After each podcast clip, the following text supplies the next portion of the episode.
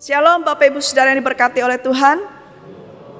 Puji nama Tuhan, saat ini kita boleh bersama-sama hadir di tempat ini dalam ibadah umum kita dan juga bagi setiap kita yang ada di rumah yang juga sungguh-sungguh beribadah saat ini saya percaya kasih karunia Tuhan menyertai kita dan memberkati kita semua. Nah, Bapak Ibu Saudara yang dikasihi Tuhan, kita akan membuka satu bagian firman Tuhan yang menjadi Bacaan kita pada hari ini kita akan mengambil satu ayat saja yaitu dari Yohanes pasal yang ke-15 ayat yang ke-16. Yohanes 15 ayat yang ke-16 saya mengajak kita membacanya bersama-sama. Injil Yohanes pasal yang ke-15 ayat yang ke-16. Mari kita baca bersama-sama bagian ini. Satu, dua, tiga. Bukan kamu yang memilih aku, tetapi akulah yang memilih kamu. Dan aku telah menetapkan kamu supaya kamu pergi dan menghasilkan buah. Dan buah. Supaya apa yang kamu minta kepada Bapa dalam namaku diberikannya kepadamu. Amin. Saya ulangi, bukan kamu yang memilih aku, tetapi akulah yang memilih kamu, dan aku telah menetapkan kamu supaya kamu pergi dan menghasilkan buah, dan buahmu itu tetap supaya apa yang kamu minta kepada Bapa dalam namaku diberikannya kepadamu. Amin. Yang berbahagia dalam mereka membaca firman Tuhan, merenungkan serta melakukan firman Tuhan di dalam kehidupannya sehari-hari.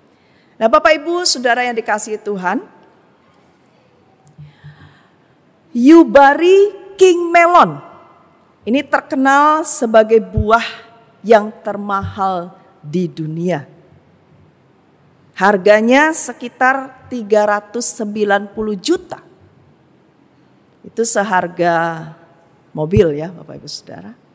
Bahkan pernah dalam sebuah pelelangan Harganya mencapai 680 juta per buah. Wah, ini harga yang fantastis untuk sebuah melon.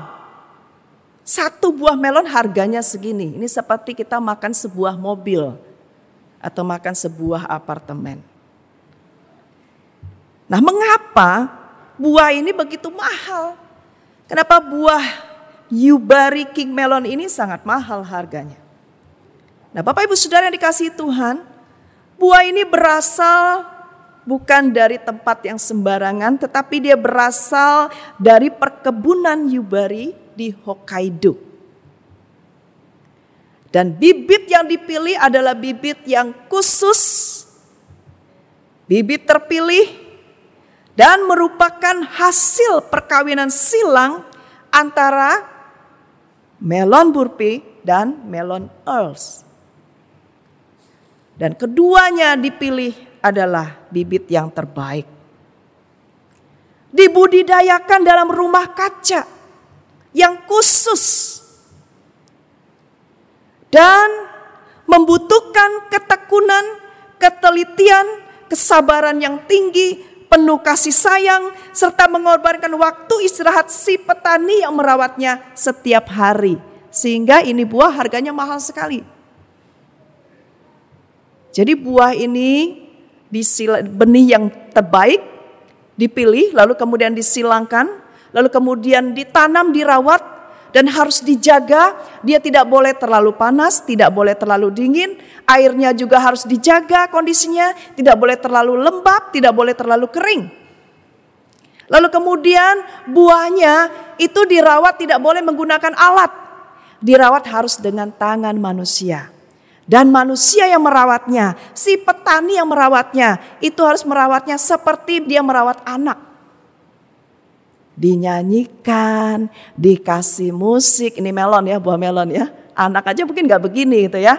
Buah melon dinyanyikan, dikasih musik. Terus apa Bapak Ibu Saudara? Di dipijet-pijet buahnya, terus diusap-usap dengan penuh kasih sayang. Dan dikatakan petani itu harus menjaga hatinya. Tidak boleh merawatnya dengan marah-marah. Tidak boleh merawatnya dengan kesal. Tidak boleh itu sambil lap-lap buahnya terus dia kesel-kesel dan marah-marah. Harus jaga hatinya dengan penuh ketenangan, dengan penuh kasih sayang. Waktu panennya pun sudah ditentukan.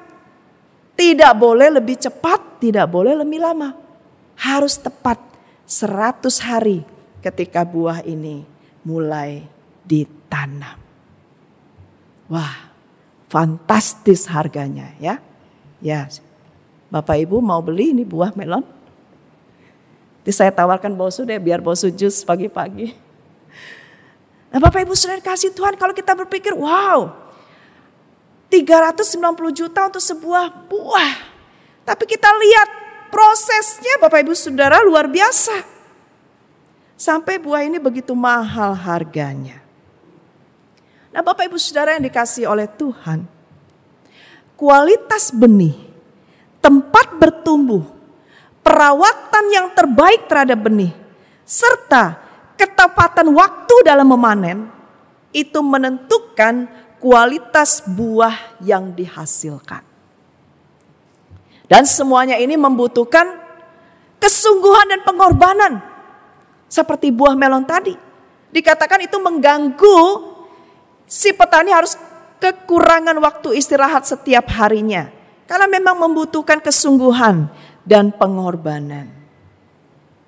Jadi Bapak Ibu Saudara, benih atau buah yang berkualitas, buah yang mahal, buah yang bagus itu adalah dihasilkan oleh kualitas benih yang baik bertumbuh di tempat yang baik, dirawat dengan baik, dan harus mengalami proses yang tepat waktu. Pada waktu buah tersebut akan dipanen. Nah Bapak Ibu sudah dikasih Tuhan bicara tentang buah.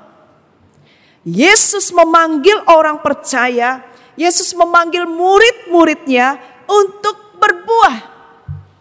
Dan panggilan untuk menghasilkan buah, panggilan untuk berbuah ini dinyatakan di sepanjang zaman dan juga dinyatakan dalam berbagai kondisi. Pada zaman murid-murid, panggilan ini dinyatakan. Pada zaman kisah para rasul di mana murid-murid tersebar, panggilan ini dinyatakan. Pada zaman bapak-bapak gereja, panggilan ini dinyatakan. Dan pada zaman sekarang saat ini, dalam situasi pandemi saat ini, panggilan ini pun dinyatakan Bapak Ibu Saudara. Artinya, apa pun situasi kita, apa pun kondisi zaman yang kita hadapi, sehebat-hebatnya zaman kita, secanggih-canggihnya teknologi yang mungkin kita hadapi, panggilan itu tetap. Pernyataan itu tetap. Ajakan Tuhan itu tetap, kehendak Allah itu tetap. Kita harus berbuah. Hidup kita harus menghasilkan buah. Ada sesuatu yang harus bisa dinikmati, bukan hanya dilihat. Bisa dinikmati oleh orang lain. Dan tentunya buah yang dihasilkan itu akan memuliakan siapa yang merawatnya. Akan memuliakan siapa yang memberi benihnya. Yaitu Allah sendiri.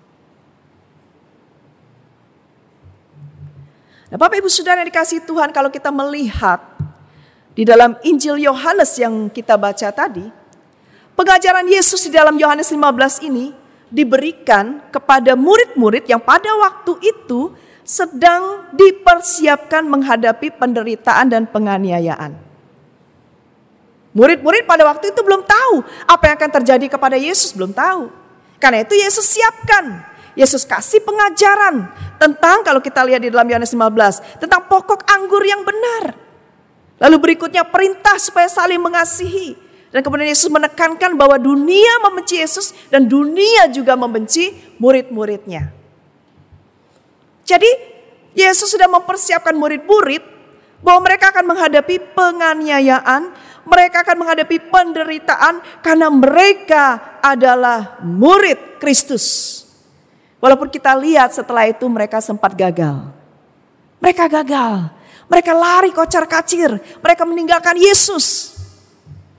Dan setelah peristiwa Pentakosta, barulah Roh Kudus turun memberkati mereka, memampukan mereka untuk kembali kepada pesan firman Tuhan ini. Yesus mengatakan bahwa dalam keadaan apa pun dari konteks Yohanes 15 Yesus menghendaki murid-muridnya berbuah. Dalam keadaan apa pun Bapak Ibu Saudara.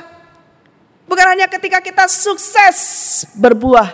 Bukan hanya ketika kita mengalami hal-hal yang baik berbuah. Bukan hanya ketika situasi kondisi oke kita berbuah. Bukan. Tapi dalam kondisi penderitaan, dalam kondisi penganiayaan, mungkin dalam kondisi sakit penyakit, mungkin dalam kondisi gagal, mungkin dalam kondisi kalah.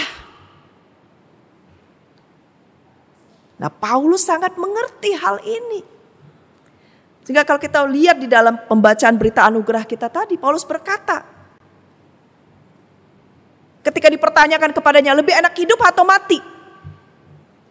Paulus bilang, Bukan masalah hidup atau mati. Bagiku hidup adalah Kristus. Mati adalah keuntungan. Kalau hidup berarti bekerja memberi buah. Mati pun berarti adalah keuntungan bagiku. Berkat bagiku. Nah Bapak Ibu sudah dikasih Tuhan. Sebagai orang-orang percaya yang dipanggil Tuhan untuk menjadi murid Tuhan. Maka yang Tuhan inginkan dalam hidup kita adalah berbagai situasi yang kita hadapi, kita berbuah. Berbuah artinya kita melakukan semua kebaikan, kebenaran di dalam Tuhan. Berbuah artinya kita memenangkan jiwa. Berbuah artinya kita bersaksi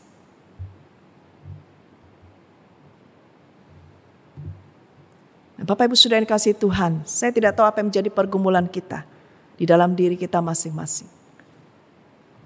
Apa pun pergumulan kita Bapak Ibu Saudara. Mungkin orang lain melihat kita tersenyum. Orang lain melihat kita everything is okay.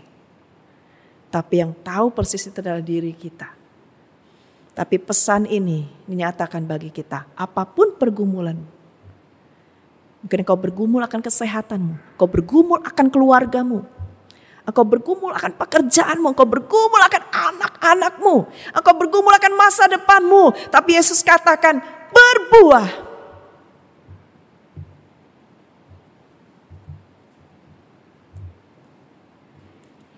Dan untuk itu, Yesus katakan ayat 1 sampai 8, tinggallah di dalam Yesus tinggal di dalam Yesus. Tinggal di dalam persekutuan dengan dia. Selalu bersekutu dengan dia, akrab dengan dia, intim dengan dia. Dan juga harus tinggal ayat 9 sampai 17 dalam kehidupan komunitas murid yang saling mengasihi. Barulah berbuah itu betul-betul nyata di dalam kehidupan kita. Nah, Bapak Ibu sudah dikasih Tuhan. Kembali saya katakan bahwa setiap kita orang percaya yang adalah murid Kristus, Tuhan memanggil kita untuk berbuah. Apa pun situasi kita, apa pun kondisi zaman yang kita hadapi, Tuhan panggil kita untuk berbuah. Pertanyaannya begini Bapak Ibu Saudara. Waduh Tuhan, lah saya aja susah ngurus diri saya. Lah saya aja kemampuannya begini Tuhan. Lah rohani saya aja seperti ini Tuhan. Apa bisa saya berbuah Tuhan? Siapa saya Tuhan sehingga saya harus berbuah Tuhan? Kan begitu. Nah Bapak Ibu Saudara, Mari kita lihat di dalam bagian ini, khusus dalam ayat yang ke-16. Apa yang Tuhan Yesus ajarkan tentang menghasilkan buah. Bagian yang pertama dikatakan, bukan kamu yang memilih aku, tetapi akulah yang memilih kamu. Dan aku telah menetapkan kamu supaya kamu pergi dan menghasilkan buah. Lihat ini. Bukan kamu yang memilih aku tetapi akulah yang memilih kamu. Tuhanlah yang memilih kita untuk berbuah. Kita adalah orang-orang yang terpilih untuk berbuah.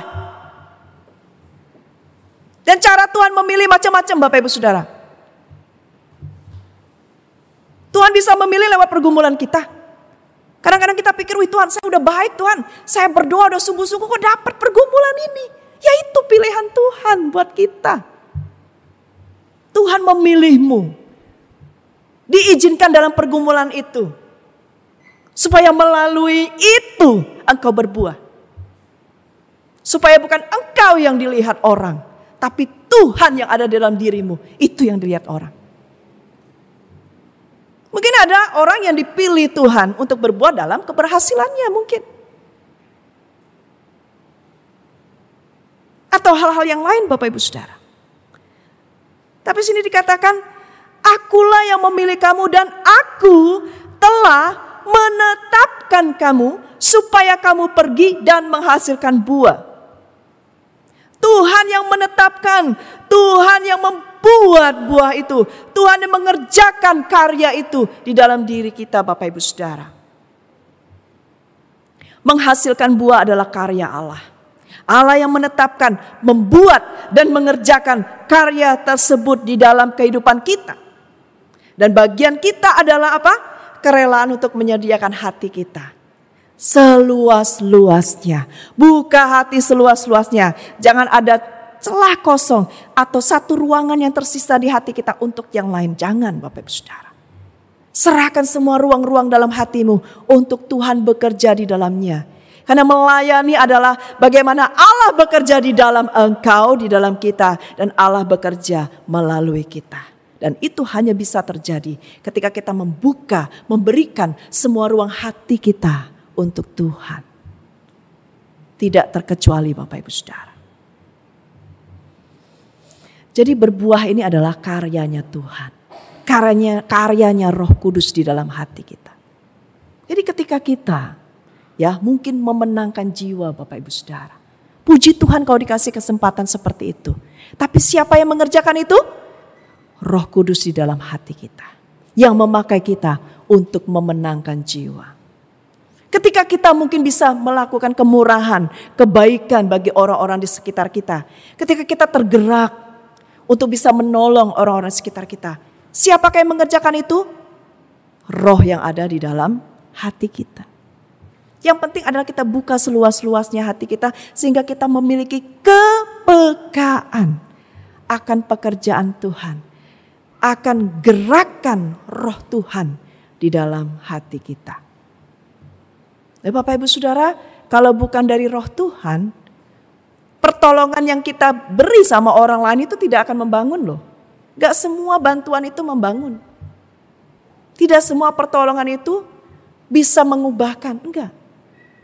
Tapi kalau digerakkan oleh Tuhan, roh Tuhan yang ada dalam hati kita, maka perbuatan kita, tindakan kasih kita itu ada kuasa Tuhan di dalamnya dan itu yang mengubahkan, itu yang memberkati sehingga bukan kita yang dipuji tetapi Tuhan yang dipuji di dalam kehidupan kita. Jadi ingatkan senantiasa bahwa Tuhan yang memilih kita. Dengan keberadaan kita saat ini, apa pun kita alami saat ini, kita orang-orang percaya, murid-murid Yesus, terima kasih Tuhan. Engkau memilihku untuk berbuah melalui situasiku saat ini. Jangan lihat orang lain, jangan mengukur orang lain, lihat kepada diri kita.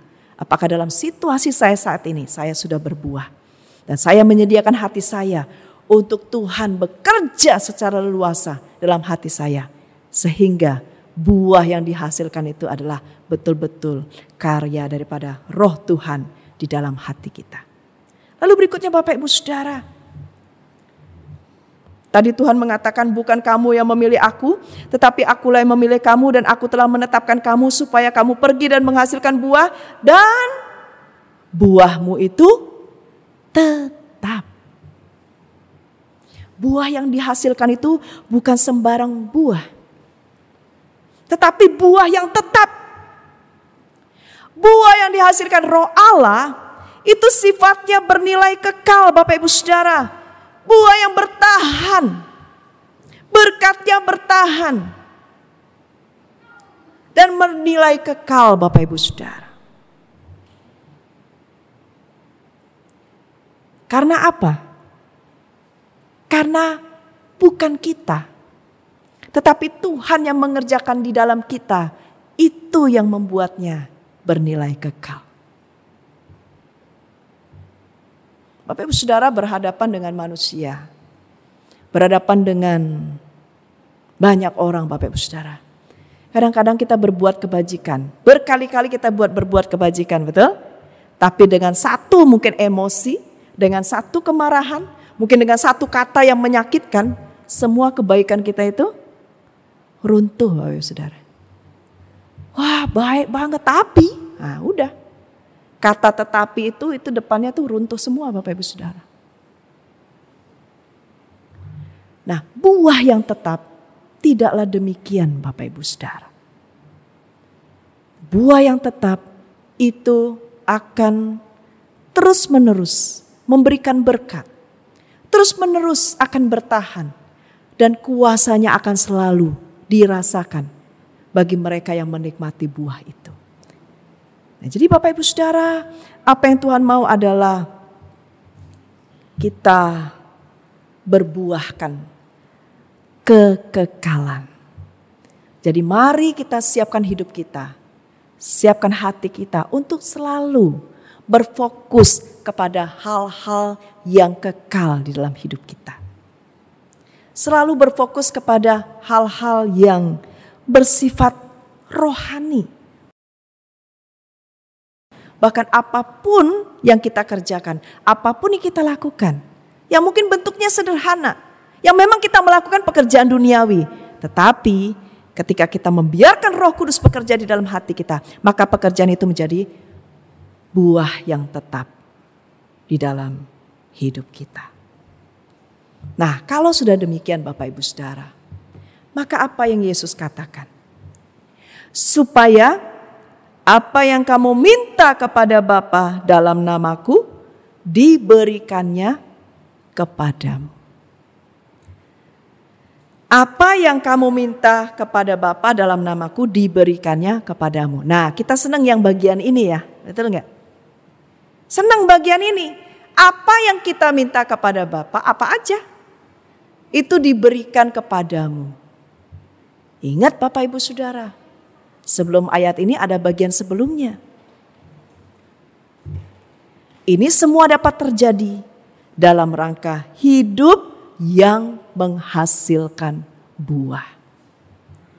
Maka ketika kita menyediakan hati kita, hidup kita untuk siap dipakai Tuhan. Tuhan, aku mau Tuhan, rohmu bekerja di dalam aku dan mengerjakan buah itu dan aku mau berbuah Tuhan maka barulah bagian ini dikatakan apa pun yang kamu minta kepada Bapa dalam namaku diberikan kepadamu. Bapak Ibu Saudara, ketika kita mungkin dalam pergumulan kita, kita minta kekuatan, kita minta pertolongan daripada Tuhan. Kita minta supaya Tuhan, kalau bisa Tuhan, Lepaskan aku dari sini Tuhan. Dan dalam kehendak Tuhan, dalam rencana Tuhan, Tuhan memberikannya kepada kita. Semuanya dalam rangka apa? Nama Tuhan dimuliakan. Semuanya dalam rangka apa? Kita bersaksi memenangkan jiwa melalui situasi dan kondisi yang kita hadapi. Itulah dikatakan apa pun yang kamu minta dalam namaku, dalam kuasaku kata Tuhan. Itu akan diberikan kepadamu. Maka saat ini Bapak Ibu Saudara ketika kita minta Tuhan, aku mau hidupku berbuah. Tuhan akan memberikannya dalam namanya. Tuhan akan memberikannya dalam kuasanya. Nah Bapak Ibu Saudara, apa yang Tuhan mau adalah Tuhan sudah memberikan hidup bagi kita. Tuhan sudah memberikan kesempatan kepada kita. Maka kita harus mengambil kesempatan itu untuk kita membuahkan sesuatu yang kekal. Yang sesungguhnya roh Allah yang di dalam kita yang mengerjakannya. Nah Bapak Ibu Saudara, saya memberi contoh yang baru-baru ini terjadi Bapak Ibu Saudara. Saudara tahu ini siapa Bapak Ibu Saudara? Ini adalah Rara si pawang hujan. Pertandingan MotoGP Mandalika pada tanggal 18 sampai 20 Maret yang lalu membuat Indonesia dikenal dari banyak negara. Dan satu yang menjadi pusat perhatian yang mengundang protes tapi juga pujian yang mengundang pro dan kontra adalah munculnya Rara sang pawang hujan. Orang berpikir di tengah teknologi yang maju sekarang ini Apalagi dihadiri banyak negara-negara yang maju datang ke Indonesia ini. Masih ada yang namanya pawang hujan. Dan Rara si pawang hujan ini berjuang loh untuk masuk ke sirkuit. Setelah beberapa waktu dia harus menunggu karena tidak boleh masuk. Akhirnya dia masuk dan dengan penuh ekspresi dia melakukan ritualnya. Dia berkeliling. Dan tugasnya adalah membuat supaya tidak turun hujan. Dan situasi sirkuit itu menjadi aman gitu ya, tidak terlalu lembab, tidak juga terlalu panas. Itu tugasnya. Wah ini semua mengandung pro kontra. Ada yang memprotes. BMKG atau juga pemimpin-pemimpin agama ada yang memprotes, kenapa kok dibiarkan? Kenapa kok? Bukankah ini membuat malu dan sebagainya Bapak Ibu Saudara? Tapi Bapak Ibu Saudara, apa pun itu sekarang si Rara ini ngetop. Viral, betul? Deddy Kobusye, wah muncul. Udah kalau udah ditampilkan oleh Deddy Kobusye, udah. Ngetop. Ada orang yang niru-niru, mengidolakan Rara si pawang hujan. Dan memang Bapak Ibu Saudara tahu kan, Indonesia memang terkenal dengan yang seperti ini. Ada budaya seperti ini. Nah saya mau katakan dari bagian ini adalah Rara pawang hujan ini. Dia mengambil kesempatan. Pada saat itu semua negara berkumpul memang mereka ada dalam rangka MotoGP di Mandalika. Tetapi Rara mengambil kesempatan ini untuk akhirnya dunia mengenal Indonesia. Nyata Indonesia ada budaya seperti ini. Dan saya percaya ketika momen ini dibicarakan, pasti ada nama Rara di situ. Si pawang hujan ini disebut-sebut di situ. Lihat betapa seorang Rara mengambil nilai historis dari momen ini bagi dirinya sendiri dan boleh dikatakan menginspirasi untuk yang lain. Dan kita melihat Indonesia pun dikenal dengan juga budayanya yang tetap menghargai ya budaya-budaya yang ada di masyarakat lepas dari agama, lepas dari apa pun itu. Ya itulah Indonesia, inilah Indonesia. Memang ada seperti itu. Nah Bapak Ibu Saudara,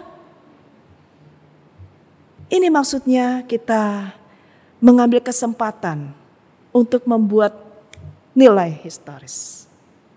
Bukan historisnya kita, tapi historisnya siapa Bapak Ibu Saudara? Historisnya Tuhan. Dalam setiap kesempatan kita, apa yang bisa kita lakukan? Apa yang bisa kita kerjakan? Tentunya ada banyak yang bisa lakukan untuk kemuliaan Tuhan. Nah satu lagi Bapak Ibu Saudara. Jadi suatu waktu ada sekelompok wisatawan diajak untuk mengunjungi tempat-tempat bersejarah gereja. Dan pada waktu itu yang dipilih adalah gereja metodis.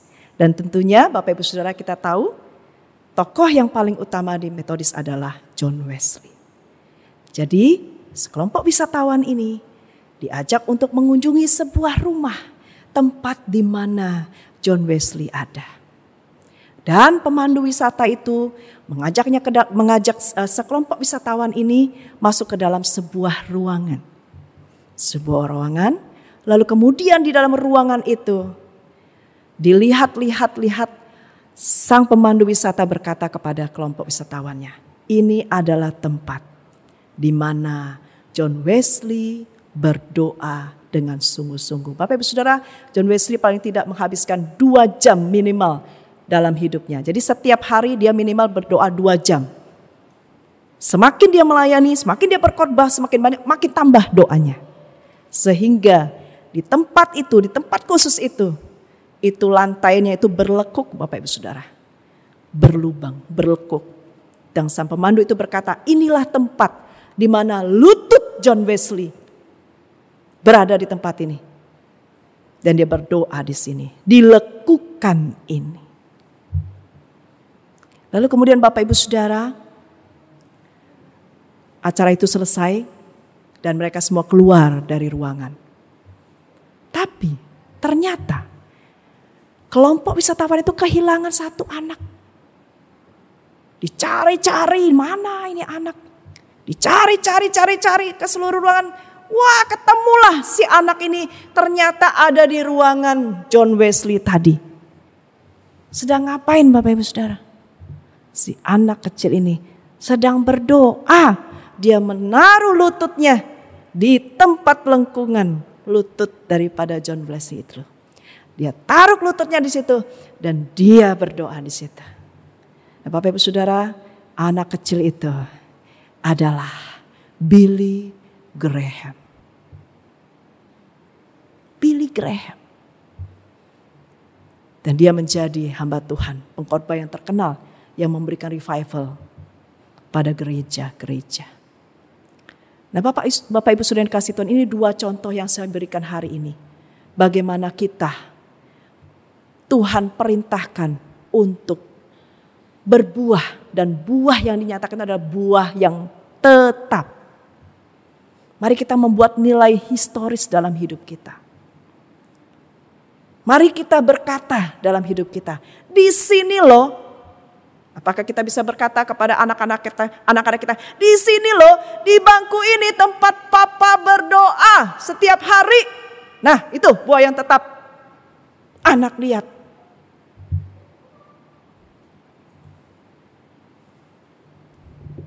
Sama seperti John Wesley. Lahirlah buahnya Billy Graham. Bapak Ibu Saudara, dalam kehidupan ini Mari kita membuat titik-titik nilai historis meninggalkan satu buah di situ. Contoh Bapak Ibu Saudara. Kami di tempat ini, mungkin tidak selamanya kami ada di tempat ini. Tapi apakah kami dapat membuat satu titik di mana di situ ada nilai historisnya? Historis, nilai Tuhannya di situ. Dan apakah ada buah yang kami hasilkan? Contoh, aksi sosial. Gerebek-gerobak. Saudara. Mungkin biasa. Oh, oh ya kita cari ini terus kita biasa mungkin itu dilakukan oleh banyak orang. Tapi pertanyaan nilai historis apa yang kita buat di situ untuk kita? Saudara ketika kita melakukan nilai historis ada yang ngelihat dan itu buahnya. Nah mari Bapak Ibu Saudara. Firman Tuhan mengajak kita untuk bersama-sama menghasilkan buah yang tetap di dalam hidup kita. Apa pun itu ambil kesempatan. Biarlah roh bekerja di dalam hati kita. Memberikan kepekaan sehingga dalam situasi apa pun Tuhan saya mau buat nilai historis nih Tuhan. Dan saya mau Tuhan, Tuhan bekerja dalam diri saya sehingga Saya punya buah yang tetap dari nilai historis yang saya lakukan ini. Nah, mari bersama-sama Bapak Ibu Saudara kita berbuah bersama dengan Tuhan. Amin. Mari kita berdoa. Tuhan kami datang kepada Tuhan. Terima kasih Tuhan, Kau mengingatkan kepada kami. Hidup ini adalah kesempatan. Kesempatan untuk berbuah. Karena itu kami tidak mau Tuhan membiarkan hidup kami sia-sia kami mau Tuhan Engkau bekerja di dalam hati kami sepenuhnya dan seluas-luasnya. Sehingga Tuhan kami dapat mengambil momen-momen dalam hidup kami Tuhan. Kami mengerjakan nilai historis ceritanya Tuhan. Dalam momen hidup kami. Sehingga itulah yang menjadi buah kami. Dan kami percaya Tuhan. Akan ada orang yang menyaksikan. Akan ada orang yang diberkati. Akan ada iman yang diwariskan Kami berdoa Tuhan, mampukan kami untuk melakukan firman ini. Memegangnya dalam hidup kami. Di dalam nama Tuhan kami Yesus Kristus kami berdoa. Haleluya. Amin.